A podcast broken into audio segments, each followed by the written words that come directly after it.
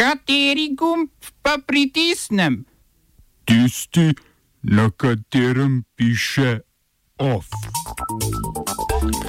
Že drugi odstop ukrajinskega premijeja v dveh mesecih. Nekdani katalonski podpredsednik Oriol Junqueras še ne bo evropski poslanec. Evropska komisija predstavila prvi podnebni zakon. V kulturnih novicah o nagradah projekta Women on Women.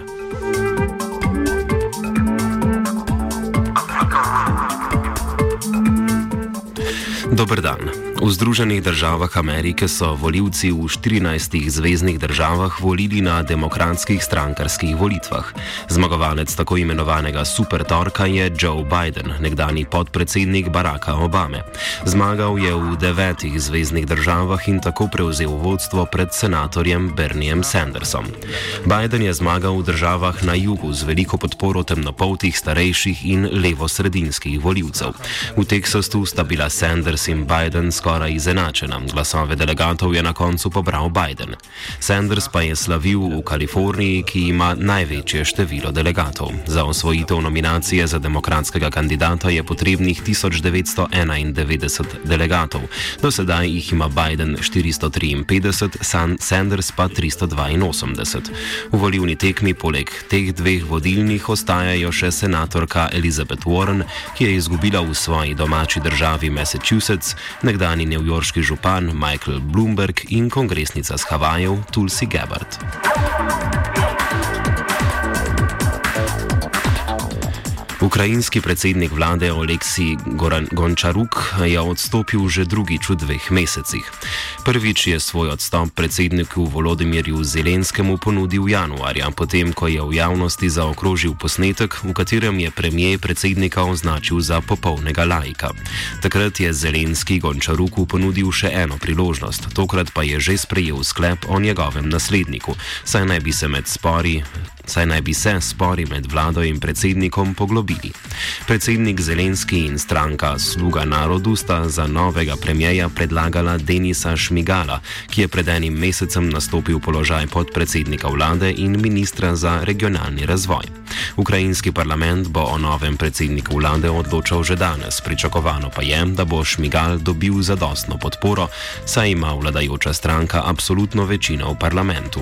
V reorganizaciji vladnega kabineta bi se lahko zamenjala tudi zunani in finančni minister. Твистер. Твистер. Španska vlada je potrdila osnutek zakona, s katerim bi se vsak spolni odnos brez privoljenja obravnaval kot posilstvo. Glede na dosedanjo špansko zakonodajo je moral napadalec uporabiti nasilje ali žrtev ustrahovati, da so napad obravnavali kot posilstvo. Z novim zakonom bi se povečale zaporne kazni za omenjena kazniva dejanja, še posebej strogo bi obravnavali primere, v katerih bi napadalec uporabil nasilje ali žrtev zadrogiral, v katerih bi bila nova nova in v katerih bi bila žrtev posilstva žena ali nekdanja partnerka napadalca. Preden bodo o zakonu glasovali v parlamentu, ga morata spregledati oziroma pregledati še dve posebni komisiji, tako da zakon ne bo sprejet prej kot v naslednjih šestih mesecih.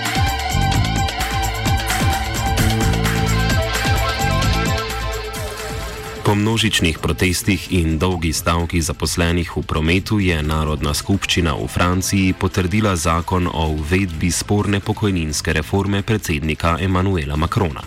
Zakon je bil potrjen po dveh neizglasovanih zaupnicah vladi, ki sta ju vložili leva in desna opozicija zaradi Makronove odločitve, da bo reforma sprejeta brez parlamentarne razprave. O predlogu reforme bodo zdaj odločali še v senatu, v katerem imajo večino konzervativci, ki reformi niso naklonjeni.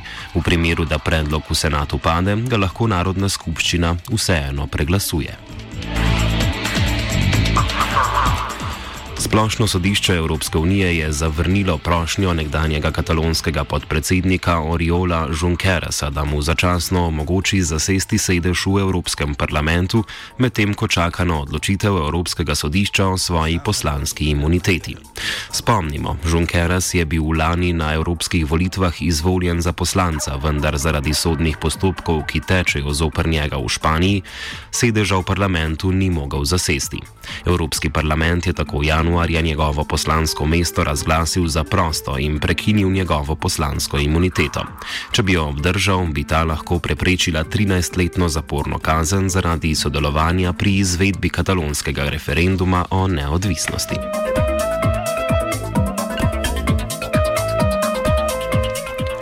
Evropska komisija je predstavila prvi evropski podnebni zakon, ki predvideva doseganje podnebne neutralnosti Evropske unije do leta 2050. Na podlagi presoje vplivov bo komisija do septembra predlagala nove cilje za zmanjšanje izpustov do leta 2030. Do zdaj do tega leta načrtuje znižanje izpustov za 50 odstotkov. Komisija bo leta 2023 prvič pregledala skladnost evropskih in nacionalnih ukrepov s predstavljanjem zastavljenimi cilji, na to pa bo to ponovila vsakih pet let. Evropska komisija od držav članic pričakuje, da bodo pripravile nacionalne strategije za prilagoditev na podnebne spremembe. V primeru, da njihovi ukrepi ne bodo, ne bodo zadostni, jim bo komisija izdala priporočila za izboljšanje.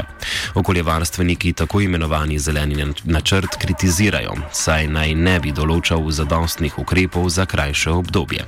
Komentira Greenpeaceov svetovalec za podnebno pravičnost Sebastian Mank. So, so the, the European uh, Commission presented its new climate law today, and uh, as we expected, the, the law does not include any new measures to reduce emissions drastically in the next decades, such as, for example, um, fossil fuel subsidies being reduced um, uh, or, and phased out. Um, and, and, and, and so the, the, the law really uh, focuses more on the long term, and science tells us that really what is needed is that we re- reduce emissions drastically in the next 10 years, and, and that is what counts. And so the climate law isn't really fit for purpose yet because because it doesn't really address the, the, the, the emissions that need to be reduced in the next decade. Oba, če, če bom odgovoril na angliški. Slovenija will try to help. Uh, we can. Slovenija will. Uh, and we will. Do our utmost. To say that the situation is. Our problem ourselves. And uh, we will. Uh, make further steps as soon as the conditions are. Bomo vlado Marjana Cerera Šarca podprli. Very, very serious. News from Slovenia. We know how and we will. Dokončno je, imamo novega predsednika vlade. Janez Janša je na glasovanju v državnem zboru dobil mandat za sestavo vlade. Tajno je glasovalo 84 poslancev, od teh jih je 52 podprlo novega mandatarja, 31 jih je glasovalo proti, poslanci SAP pa so glasovanje obstruirali. Novo koalicijo tako sestavljajo stranke SDS, SMC, NSI in Desus. Seznam kandidatov za ministre bo v državni zbor predvidoma uložen do konca tedna. Mesto predsednika državnega zbora bo predvidoma zasedel Igor Zorčič iz SMC. Koalicija bo pripravila tudi predlog novih kandidatov za parlamentarne odbore in komisije.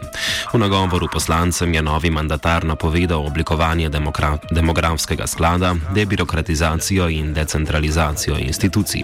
Izpostavil je nujnost gospodarskega razvoja in konkurenčnega javnega zdravstva ter šolstva, saj, citiramo, kakovost naj ne bi bila mogoča brez konkurence konkurence. Konec citata. Vlada bo med drugimi ukrepi postavila tudi jasne določbe glede obravnave migrantov. Janez Ujanši sta ob izvolitvi čestitala njegov somišljenik, mađarski premijer Viktor Orban ter vodja Evropske ljudske stranke Manfred Weber.